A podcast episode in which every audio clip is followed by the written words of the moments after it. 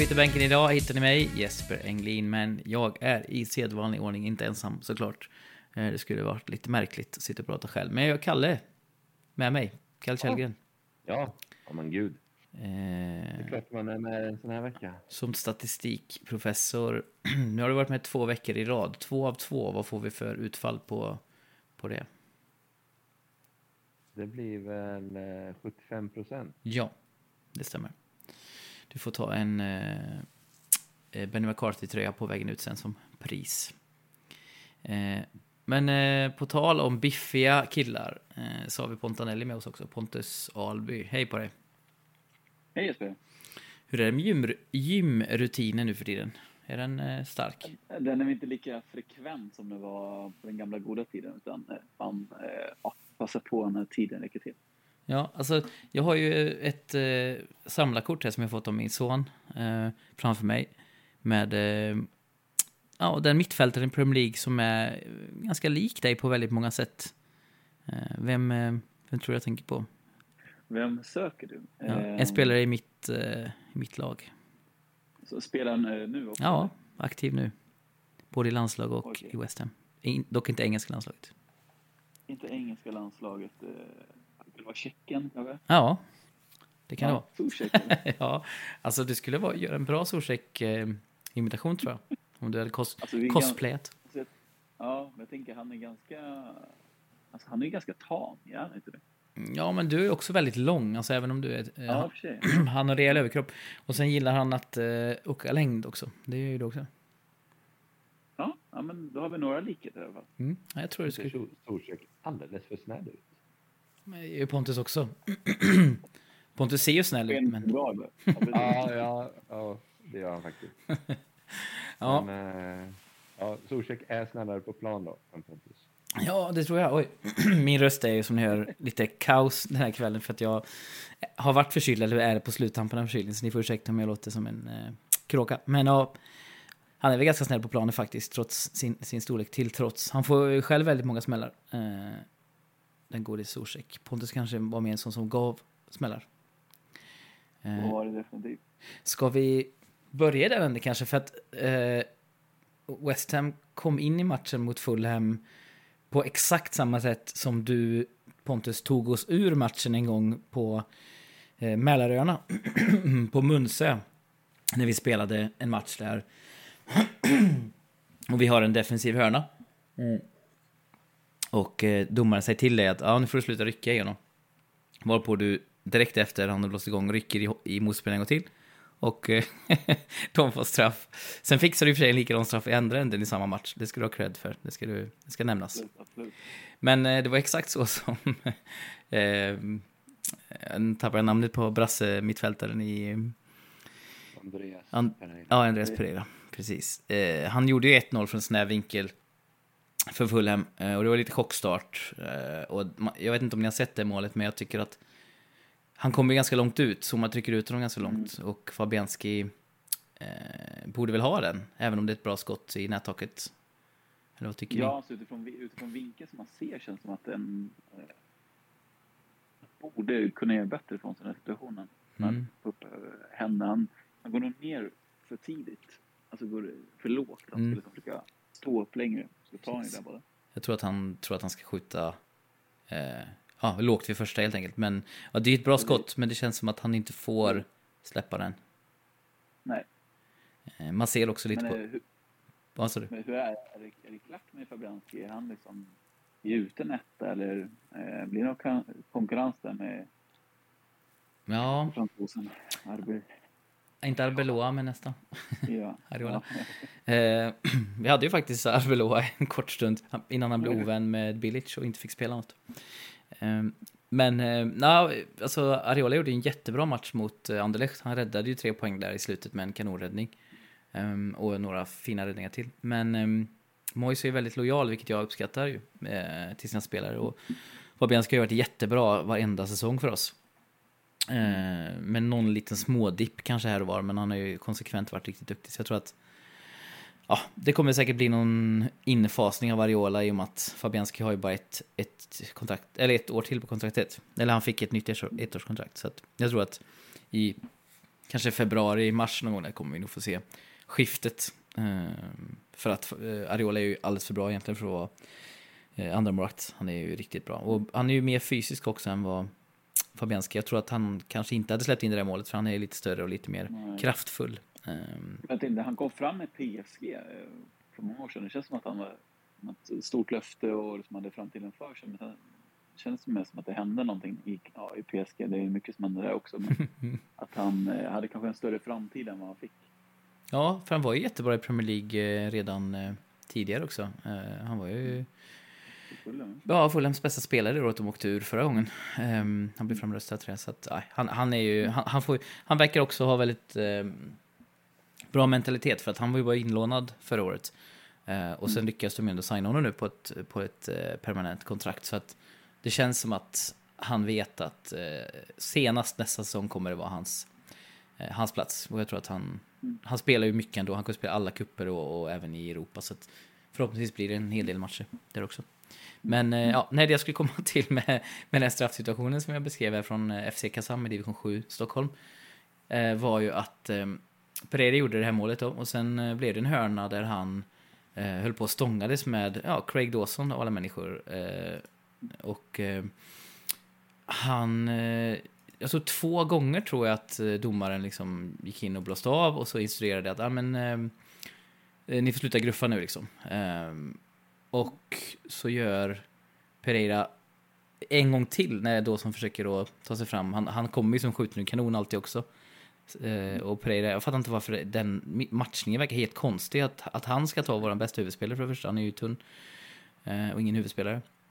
Men han liksom tar ett litet grepp på Dawson och så tror jag kanske att Dawson faller också lite enkelt. Alltså han hade ju säkert kunnat köra över Pereira där. Eh, men eh, ja, han var väl lite småsmart där och, och ramlade och så fick vi straff. Eh, så det var ju inte så smart gjort av Pereira, kan man tycka. Men det är väl alla, alla lag ställer upp på defensiva fasta. Att alla bra huvudspelare går på zonen och bollen. Det är Mm. väl ingen eh, det är väl ingen som liksom sätter sin bästa huvudspelare på att punktmarkera motståndarnas bästa. Så jag vet, det är väl bara liksom skära en löpväg känns det som. Ja, Jag, men han klarar inte jag av vet det. inte vad jag tycker om det, om jag ska vara ärlig. Nej, Han klarar inte av det heller, är ju problemet. Eftersom att Tåsson är så pass kraftfull så att han skakar bara av sig honom. Nu ville han ju inte det i det här läget, men annars så... Nej. Så att då fick ju vår nya 100-procentiga, eh, eller 75-procentiga med Kalles logik då, Dawson, eller Dawson, eh, Bowen, eh, han har gjort två av två här nu eh, på straffarna. Eh, annars har vi haft problem med att vi har missat väldigt mycket straffar. Så fick han, och det var ju det som gav oss då vägen in i matchen.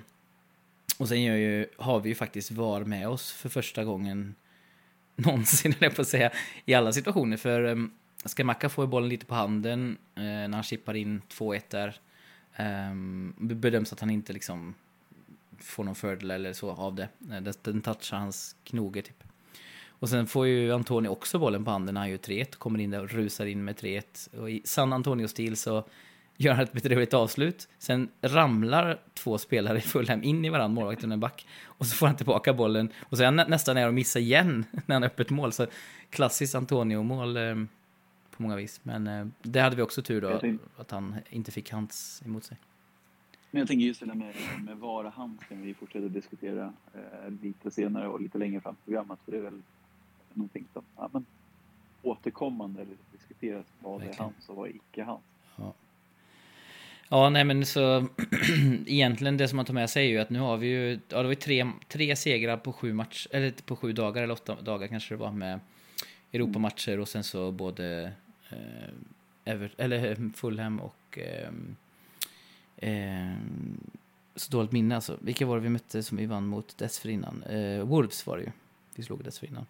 Så att eh, nu ser det ut precis så som jag har tjatat om här i podden att så här, ha lite tålamod nio nya spelare in.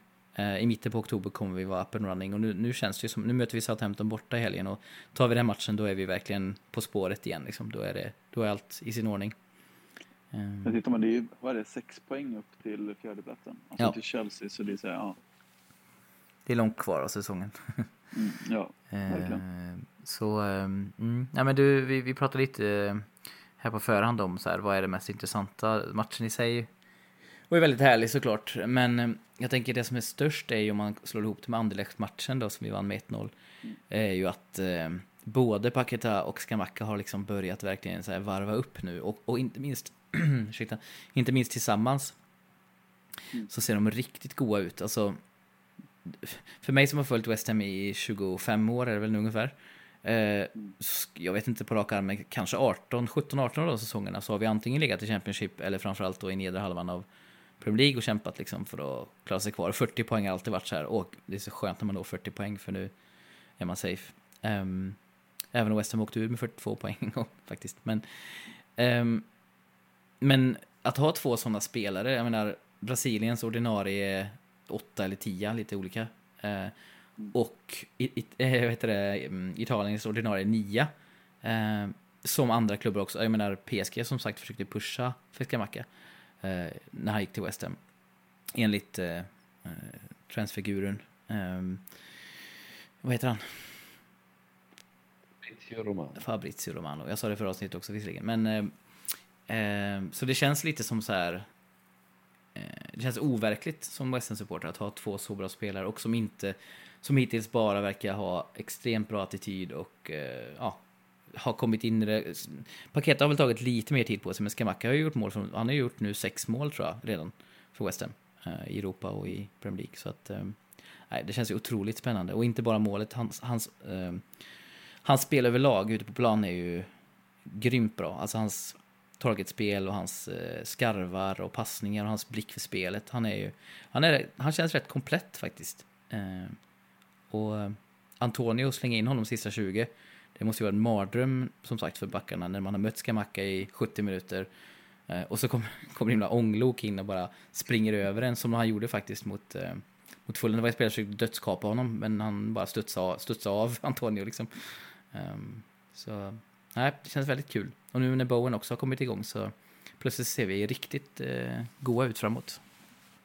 Men det som är just förväntningen med Paketa när han kom- kom- blev klar för West Ham var ju ganska höga och det kändes som att eh, det var någon slags garant eller garanti mot, eller för att han skulle ligga på så pass hög nivå med tanke på vad han hade presterat i Lyon i Champions League och med Brasilien. Medan eh, just med Skamacka var det kändes som att det var många som tvivlade på hans eh, förmåga, inte riktigt visste, tänkte att det här blir ytterligare en italiensk eh, spelare som fungerar, fungerar bra i Serie A men när man kommer till Premier League så håller han inte. Men han har verkligen motbevisat eh, genom att bara få lite mer tid och komma in med det så har han ju verkligen levererat på sista tiden. Mm. Ja, det är skönt att vi har Antonio som kan liksom, man vet att han kommer alltid leverera, inte kanske alltid mål, men han kommer alltid leverera ett spel Nej. som funkar. Och så kan Skamacka Mm. smyga igång lite, så det är precis som du säger har det varit ganska Mm. tacksam situation. Och, och, och sen med Antonio som har spelat så pass mycket de senaste säsongerna också, han har nog varit ganska sliten så att nu kan de hjälpa varandra också genom att ja, men någon spelar lite mer i Europa League och någon spelar mer Premier League. De skiftar med varandra och ibland kan de ju kanske till och med spela tillsammans topp. Ja, det vore väldigt kul att se, det är många som önskar, men det är ju svårt att spela med två forwards i Premier League Ja. för att eh, man får Mm.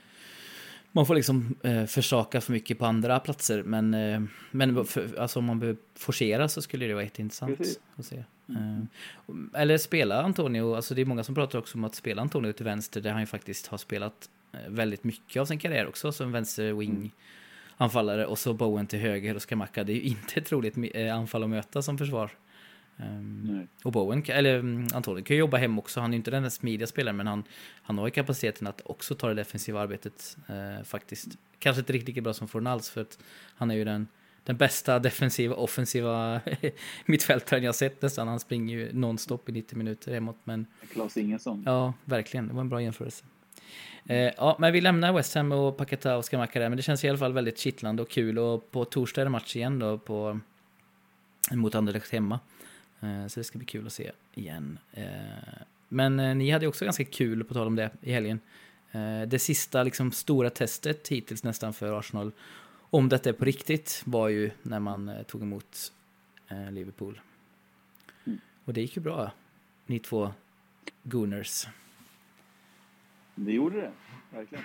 Eh, det var en... Eh, jag har skrivit lite grann med, med Richie nu efter matchen och summerade som att det var, nej, men det var en, det var en jämn batalj verkligen som hade kunnat sluta liksom åt båda hållen men det känns som att med den, alltså med, den fas eller den eh, form vi är i just nu känns det som att mycket mycket som tidigare kanske gick emot känns det mer som att vi får med oss de här små marginalerna.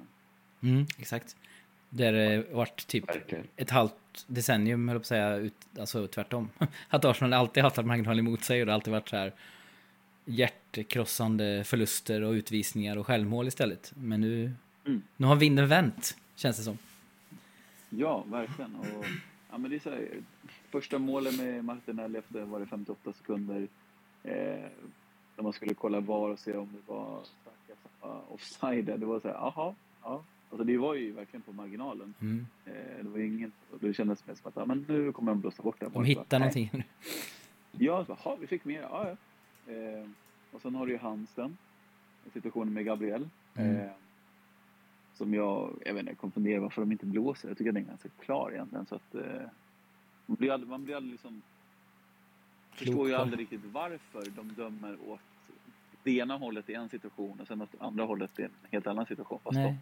I princip kan se likadana ut. Men kan, alltså beslutet var det för att det var så nära till den som slog inlägget? Det, tror man att det var därför? För att jag menar, han fällde ut armen rätt rejält och gjorde sig större. Så att på det sättet, men jag menar det om de menar att det att han slår upp bollen på hans hand på, på så pass nära håll som gör att de inte Alltså, blåser. De har ju aldrig redogjort för varför Nej. eh, de friade. Det, det redogörs ju aldrig. Och det tycker jag att Premier League överlag måste kunna bli bättre på. Även om domaren kanske inte går ut i livesändning direkt efter och ska kommentera någonting. Men då kanske man på FR på något sätt kan sätta ihop någon slags, inte, inte kommitté, men någon slags eh, ja, men personer, sekreterare som sammanfattar. Vi, domarna blåste åt det här hållet för Mm. Ja men det är som NHL som sagt, de visar ju alltid eh, avstängningarna sen i efterhand visar de ju på nhl.com och så får man se videos så säger de så här, ja men här går han in med han, han lämnar isen med båda fötterna och därför blir det eh, match, två matchers avstängning för att han farligt spel liksom. Det, det skulle ju verkligen inte vara omöjligt eh, men det känns som de är, Ja, och det här har vi pratat om förut men det känns som de skyddar domarna in absurdum verkligen. Ja, och kunna skapa någon slags transparens både gentemot spelare, tränare, klubbägare, publik, trä- alltså alla. Så att nu är det inga, alla känns bara helt ja, men vilsna på något sätt. Vi har ingen aning vad som är, vad är hans, vad är inte hans. Nej, jag håller med. Liverpool någonstans får en förklaring på den situationen. Mm.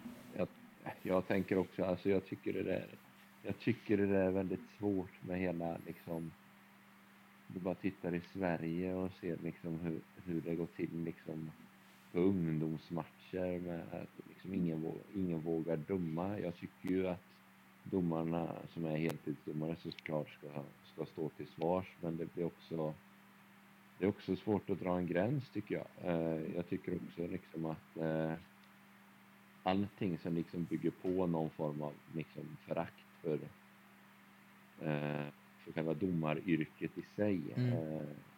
Jag, ja, ja, ja, jag är väldigt kluven, jag är väldigt kluven där faktiskt.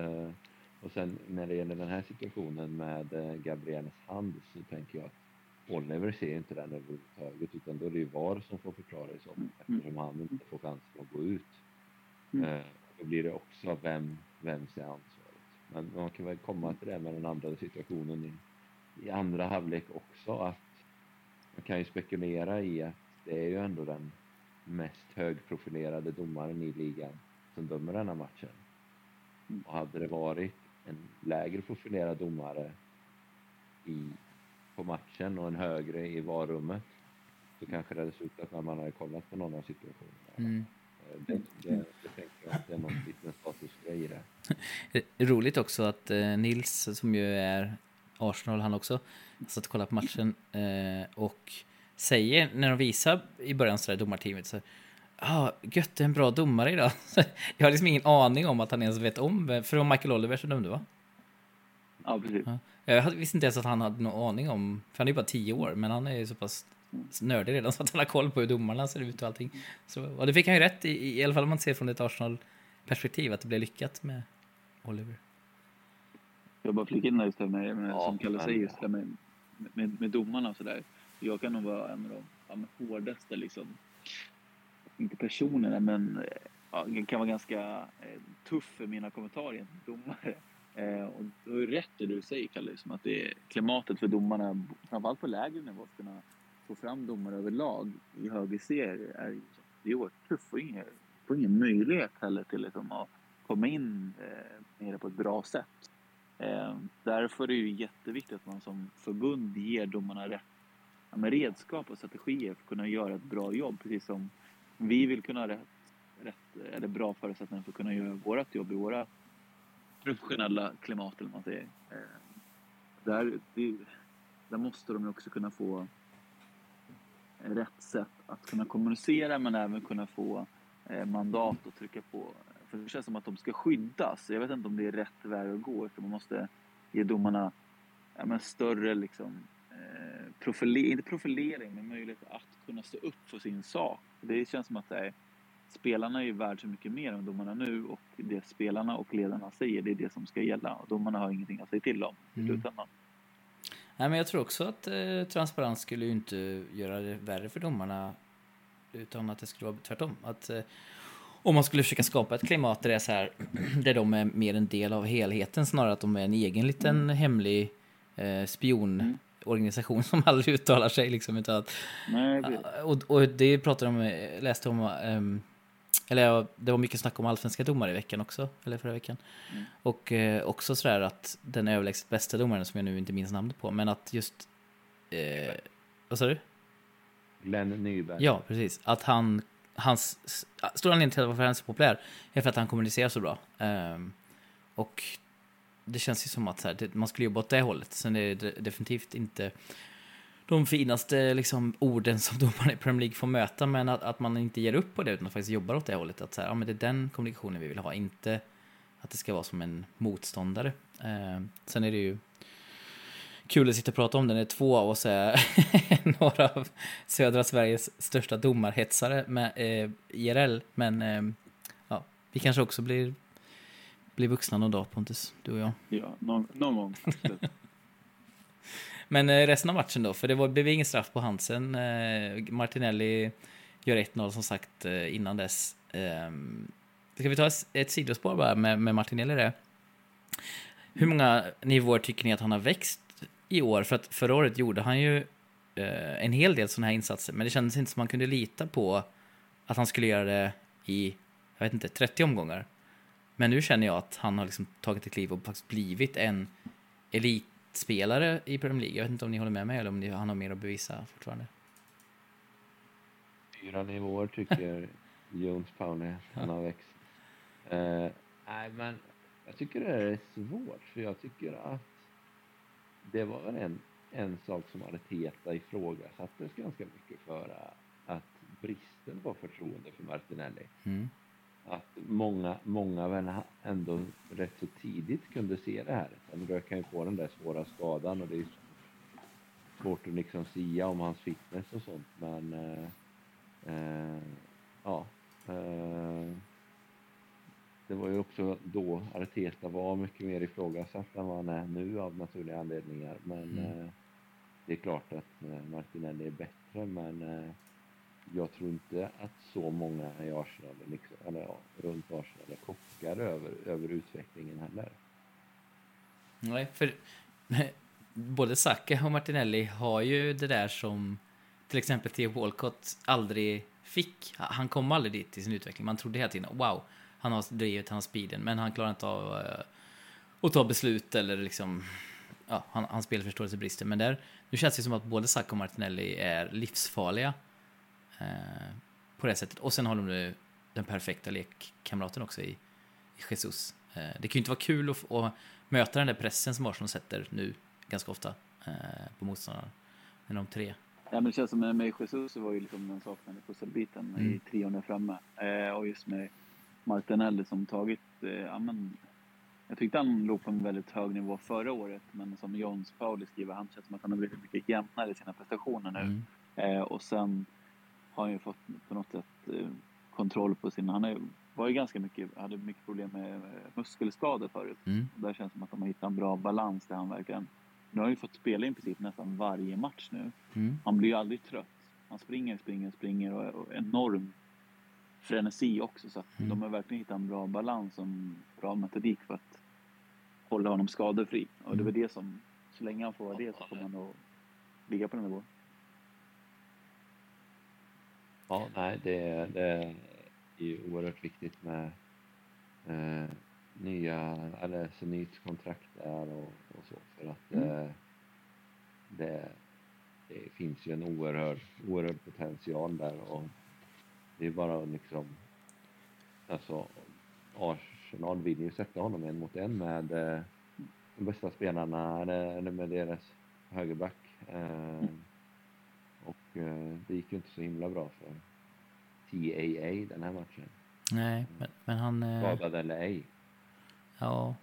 Nej, men det, ju, det känns ju som att det är eh, som upplagt för att eh, det ska gå så i den här eh, matchen, den här kampen nu, eller duellen. För Trent Alexander-Arnold har väl aldrig varit såklart den bästa defensiva spelaren, eller bäst i positionsspelet, men det känns som att det nästan nått en ny nivå nu den här säsongen där man så här går in mot Liverpool och känner så här, ah, här har de en riktig svaghet, det här ska vi verkligen eh, utnyttja, eh, ytan bakom, eh, bakom honom.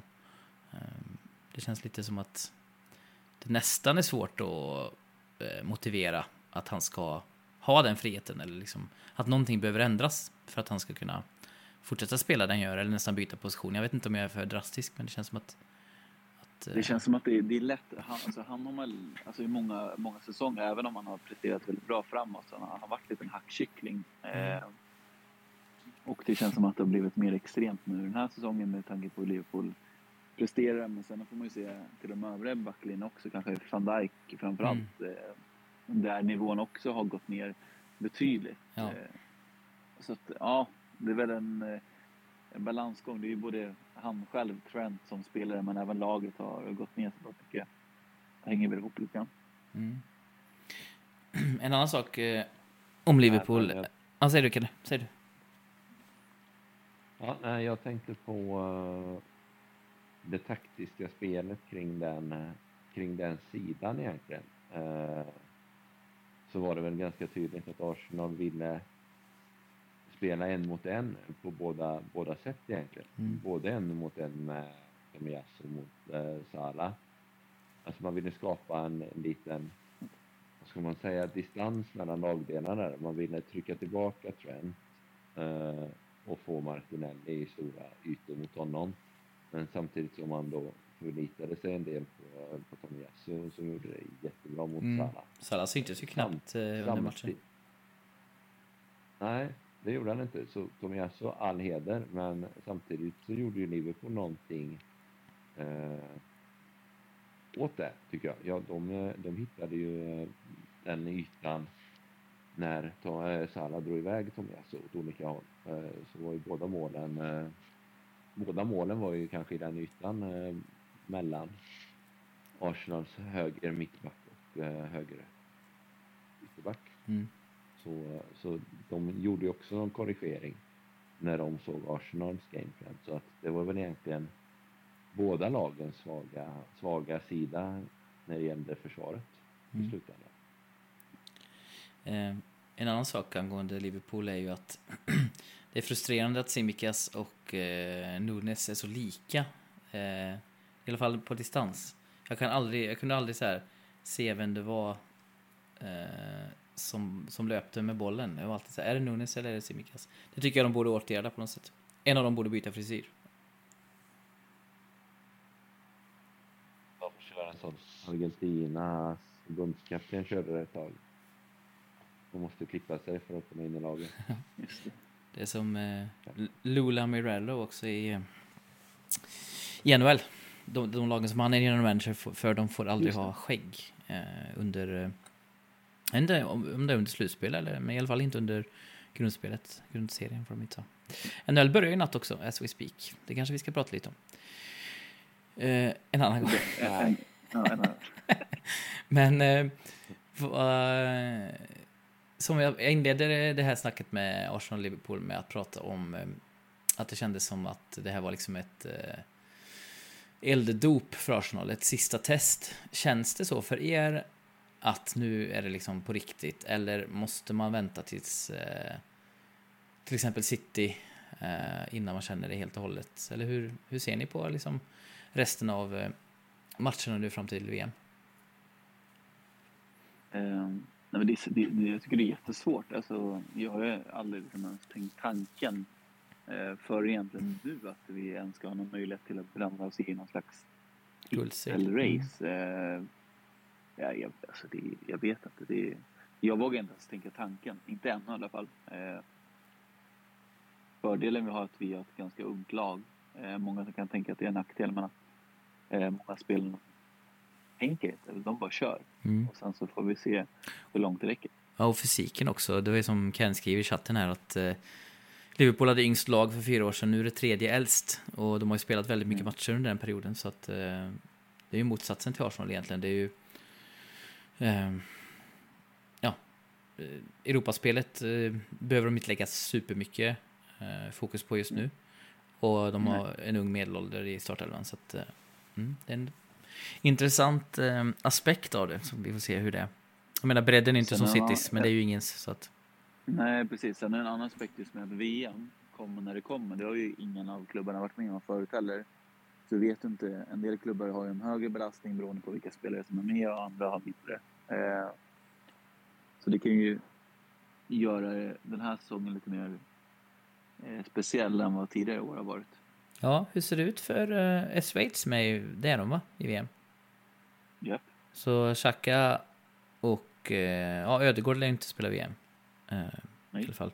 Så att, um, och hur ser det ut framåt då? Jesus är väl första val för Brasilien? Nej, han var, nej, han var inte ens med i truppen. Nej, då så. hoppas att han- Nej, jag hoppas att han inte-.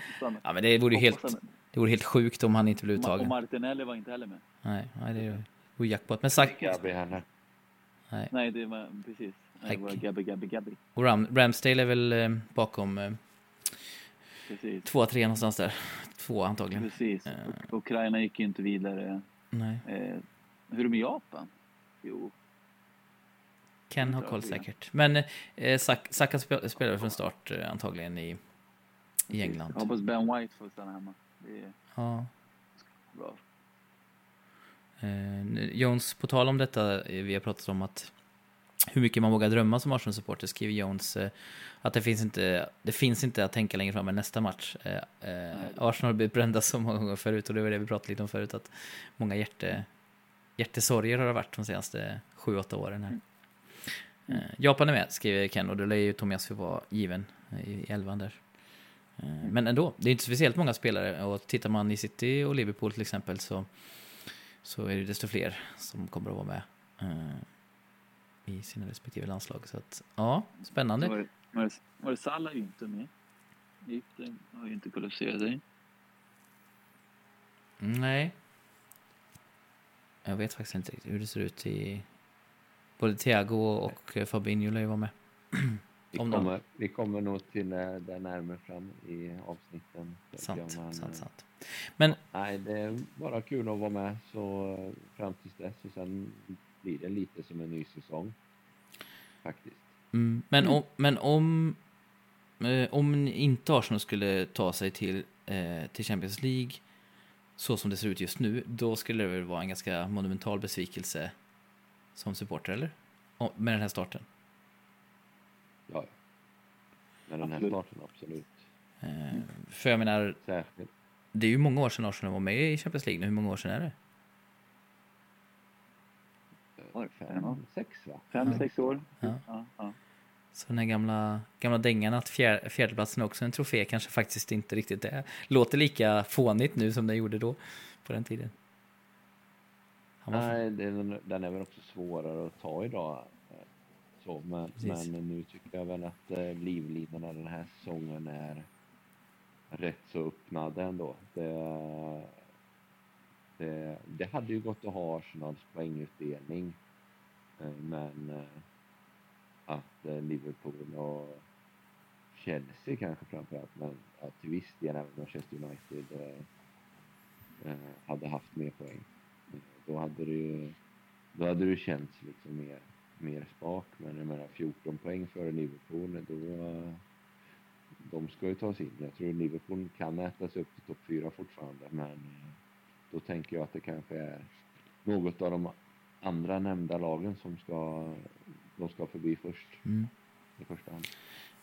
Ja, Chelsea var inne på. Jag vill bara säga lite om dem här. Vi ska titta framåt på nästa omgång innan vi börjar runda av för kvällen här, men, eh, eller kvällen när vi spelar in i alla fall. Ehm, för Graham Potter har ju fått en jättebra start i Chelsea. Ehm, och det känns ju på ett annat sätt än under Tuchels liksom, sista gnisslande, skälvande dagar. Ehm, och eh, jag tror en nyckel till att det kommer gå bra för Chelsea, jag gillar ju verkligen Mason Mount som spelare, det kanske är för att han är bästa kompis med Rice, jag vet inte, men jag tycker han är komplett. Och det känns också som att han kommer vara Potters spelare, han kommer liksom ha stort förtroende eh, för Mason Mount. Eh, tror ni att Chelsea är givna nu att på en eh, ja, topp 4-plats åtminstone under Graham Potter. Det känns som att bytet kom... Det var, det var på ett sätt konstigt byte ett år efter att han har vunnit Champions League, Tuchel, men också som att det eh, var ett väldigt bra beslut av Chelsea. Hur känner ni inför Chelseas fortsättning? Um, det är givet. Känner jag. Mm. Det, är inte, det är inte givet med topp 4. Det, de är en poäng före, före Manchester United som ändå ja, plockar, plockar poäng här och där. Eh, de är ett poäng före, två poäng före hans gamla lag Brighton. Jag, eh, jag tror ändå att det, att det blir tajt där. Jag tror att de behöver få igång eh, offensiven lite mer innan innan man vågar säga någonting. Sterling har inte levererat samma målmässigt som i, som i City. Nummer nio positionen är fortsatt ett problem. Aubameyang har sprungit in med något mål men mm. eh, jag, jag, är inte övertygad eh, där och eh, då landar för mycket på din kompis Mason Mount där eh, än så länge. Så jag, eh, och det är, väl, det, det, är väl det man kan säga om Potter också i, i Brighton att eh, han hade svårt att eh, få även i Östersund faktiskt, om vi ska gå tillbaka. Han hade fina anfallare, men eh, det var aldrig någon som hotade om någon skytteligatiteln, utan eh, det krävs att... Eh, ja, jag vet inte. Jag, jag, det är inte så här att de kommer spruta i mål, tror jag. Nej. Det kanske händer något i, i januari också, på den fronten. Alltså, jag tänker på centrala anfallspositionen hos Chelsea. Jag vet inte, de har ju ändå varit De har Aubameyang, de har eh, Borja och eh, Kai Havertz. Alltså, mm. Det är ju inte liksom topp, topp, topp, men det är ändå helt okej. Okay. Ja, alltså det är ju intressant när man tittar på det. att eh, det kommenterades på i veckan här att om West Ham hade fått som han hade velat först och det som pushades ganska, alltså väldigt hårt för i somras. Då hade vi suttit med Lingard och Broja och Broja är ju bra liksom. Eh, mm, mm. Men istället så får vi då Paketa och Skamacka. Eh, så att hur fotbollen liksom rör sig ibland är ju fantastiskt. Att vi liksom blir dissade av eh, Lingard och eh, Chelsea vägrar sälja Broja för ganska dyra pengar och så får vi de här två världsspelarna istället. Det, man kan vara tacksam ibland för misslyckanden också. Eh, men som Ken skriver här så eh, har ju Potter haft ganska bra matcher. Så det blir ju upp till bevis för honom och Chelsea framöver. Jag tror som sagt att, eh, att vi får se en, en konsekvent bra säsong av eh, Mason Mount. Jag har honom i mitt fantasy nu också, så jag hoppas ju att det stämmer. Eh, ska, vi ska titta framåt, jag ska bara ta upp det som Jones säger här i chatten om att um, vad vi tror om om Klopp nu då, för sjunde säsongen är ju det här klassiska förbannelsen han lider av. Eh, är det en bump, speed bump, eller tror vi att det liksom att vi ser början på slutet här som Jones skriver? Jag vet inte, alltså med tanke på att han förlängde kontrakten ganska nyligen så var det ju märkligt om det här är sista året. Mm. Eh, det känns mer som att de att Liverpool är inne i en period där de behöver skifta ut en del eh, äldre spelare och ersätta dem med lite yngre och det har de gjort. Men det är så här, nu är det kontrakten de gav Salah, det känns så här, eh, ja lite efterhand som att det kanske inte var den smartaste affären men det är samtidigt sett hur han presterade i alla fall första delen av förra säsongen så var ju han välförtjänt av att få ett bra kontrakt. Men nu, nu det, kan det ju bli ett större problem än vad det hade varit annars. Mm. Det är ju en eh, problematik man känner igen kanske från Verkligen. andra lag i Premier League. Eh, just, eh, just det. Nej, men jag, jag, jag är... Jag är också kluven. Jag, jag är oroad över deras åldersstruktur om jag ska vara ärlig. Mm. Dels att de inte ser helt fräscha ut, de här äldre, äldre spelarna. Att de ser ut att ha tappat lite kanske i, i intensitet. Eh, och, eh, det är väl ett problem. Och sen, ja, jag har ju, jag har ju lite svårt för Klopp kanske i vissa, i vissa lägen. Och eh, kan tycka att man hör samma sak för mycket. Så jag vet inte om det, om det är jag som är färgad där eller om det faktiskt ligger någonting i det att eh, spelarna också kanske är, hör, hör samma tycker att han är lite förutsägbar med vad han, vad han säger och sånt efter eh, ja, dåliga prestationer eller dåliga domarprestationer. Och sånt. Mm. Även om jag hade förväntat mig en större rant mot eh, domarna här i, i söndags. Mm. Ja, men eh, det känns ju som att, eh, som Jon skriver vidare här, att eh, han har så pass mycket goodwill och eh, har transformerat Liverpool så sen han kom in. Så att eh, smärtgränsen måste ju vara väldigt... Eh, alltså den är väl tilltagen. Alltså han, det kommer gå långt innan han eh, får sparken i alla Ja, fall. Sen kan det ju hända att han själv känner att han inte har mer att ge, att han får tomt i, i tanken. Eh, Det är väl relationen med ägarna där som, som avgör mycket, mycket tänker jag. Men eh, jag vet inte hur Liverpool-supportrarna i England där, men nu kommer jag ju trampa folk på tårna här, men eh, när det gäller svenska Liverpool-supportrar så, så ser jag att den här ligatiteln eh, inte, inte har gjort alla så himla gott. Jag tycker att liksom tålamodet och förståelsen eh, eh, brister på rätt många, många håll. Att eh, man bara ska förvänta sig. Alltså, ja, jag, jag har lite... Jag, jag skulle bli lite orolig om eh, narrativet är likadant i, i England på, runt fansen som går på matcherna. För Mm. då tänker jag att det faktiskt kan bli infekterat. Men det är väl ehm, som du säger, alltså det, man ska ju ha i åtanke att det är första gången, alltså Liverpool är ju såklart en klubb med otrolig historia, men eh, det är ju faktiskt eh, första gången någonsin de tar en Premier League-titel.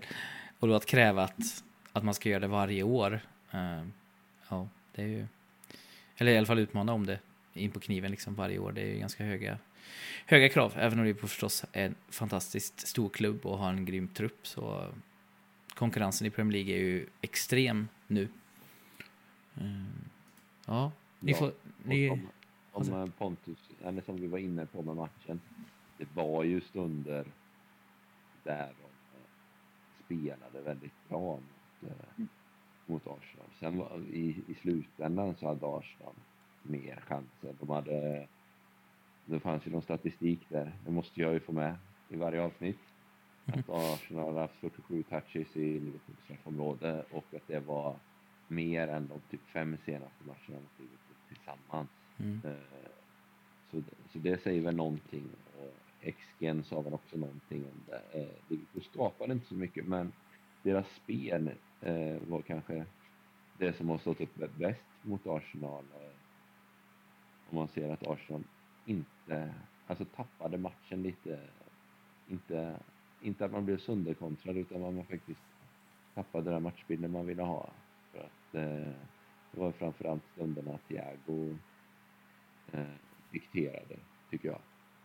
mm, Så, och de gjorde två mål och Nunes var väl en positiv, eh, positiv fläck, så det finns ju saker att ta med sig. Men eh, försvaret, eh, det är svårt när de, eh, när de börjar med två insläppta i princip. ja, och, Så jag, Eh, kör du Pontus, jag har hoppat in här nu. ja, Jag håller igång fortfarande, det är så härligt. Holman lyfte upp det också. Tittar man på Liverpools statistik vad det gäller försvarsspel så visar det tydligt på att stora bristen är att de släpper in alldeles för mycket mål jämfört med eh, tidigare matcher och säsonger. Att de släpper in det första målet varje match. De börjar ju Ja, liksom i underläge. ja, precis. Från, från att ha gått att vara den här liksom, eh, stora röda maskinen, om man ska ta ett eh, hockey, fortsätta hockeytemat lite, som alla är rädda för, till att faktiskt inte vara det. Det är ju en jobb- jobbig känsla för ett lag att vara liksom nästan o, o, untouchable eh, och sen plötsligt så, aha, här är vad heter det, luktar motståndarna blod istället på samma sätt som Manchester United har upplevt på senare år. Eh, det är en jobbig känsla för en klubbs självbild på något sätt. En trupps självbild.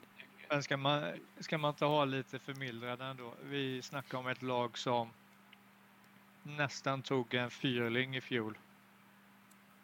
Jo, Vad precis. pratar vi om? De var en halvtimme borta ifrån att vinna Champions League och nästan eh, Premier League en kvart bort eller något sånt där va?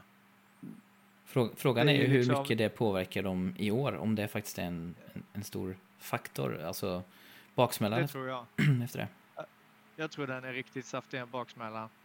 Och de har inte fått mycket ledighet i sommar heller för det spelades ju underbara Nations League-matcher och dylikt. Mm. Så eh, ja, och med det här spelsättet som Klopp har också. Det är klart man måste få in ungt blod för att liksom kunna hålla igång det här. Så det här är nog bara en, det är en återhämtarsäsong och det tror jag man får ta och gilla. Mm. Sen vad det landar i är ju om det landar fortfarande i topp 4-plats eller om det blir sämre. Men eh, eh, det jag tycker inte är så konstigt. De, har- de har ju inte lika stark trupp som City. Alltså City kan ju byta ut killen i första elvan men lika bra ersättare nästan. Mm. Eh, Liverpool är ju inte där.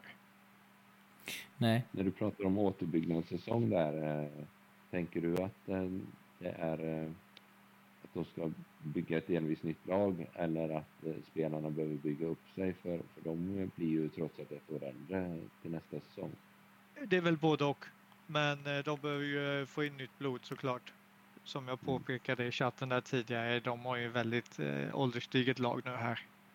Eh, och även om var det Allan Hansen som sa att you don't win anything with kids så är det nog bra om man får in lite kids ändå tror jag i den här truppen. Och Harvey Elliot har ju varit ett väldigt eh, starkt namn får man ju säga så här långt också på säsongen. Så det finns ju ljusglimtar. Ja, Cavalli har också varit bra. Men om Ja. ni hade om, man, om ni hade haft Liverpool-sympatier nu då?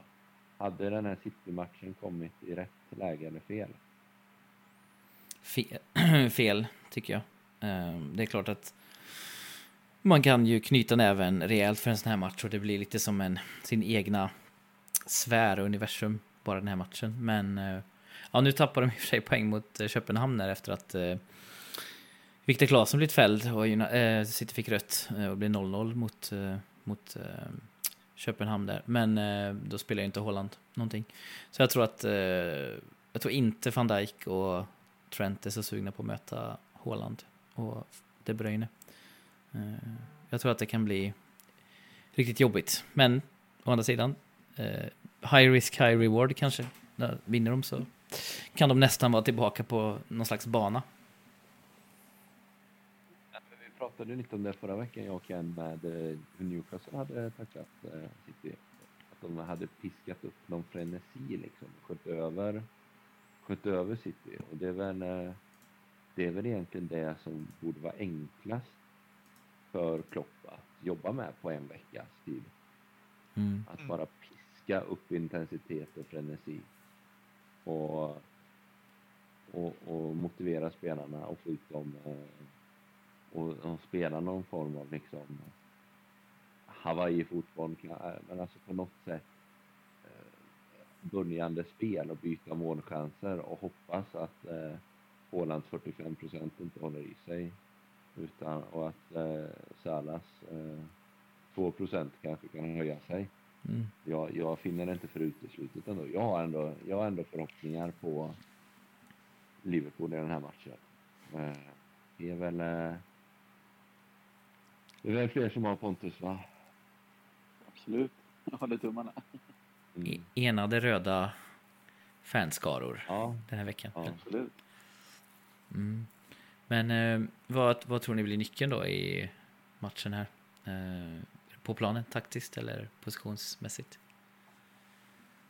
Det känns som att de här två lagen har eh, slåss eller bat- bataljerat mot varandra ganska mycket de, de senaste åren. De kan väl varandra lite in och utan på något sätt. Mm. Eh, Så det känns som att det är mer ja, spetsspelarna eh, som kommer att avgöra. Och det är Haaland och De Bruyne för City och får vi se om Salah vaknar på rätt sida, om han har vaknat upp till den här matchen Mm. och kan prestera på en eh, högre nivå. Men som Kalle var inne på förut med Darwin Nunez känns ju verkligen som att han är på, på gång nu och hittat Mm. lite mer rätt än man gjorde i början av säsongen. Så att det gäller att stå upp eh, för honom på Citys del. Det blir ju en, en match i matchen såklart mellan Nunes och Haaland som är de två stora nyförvärven för respektive titelkandidat. Eh, och där såklart den ena har fått en otroligt mycket bättre start än den andra med tanke på att en fick rött kort och den andra har gjort två hattricks redan i ligan.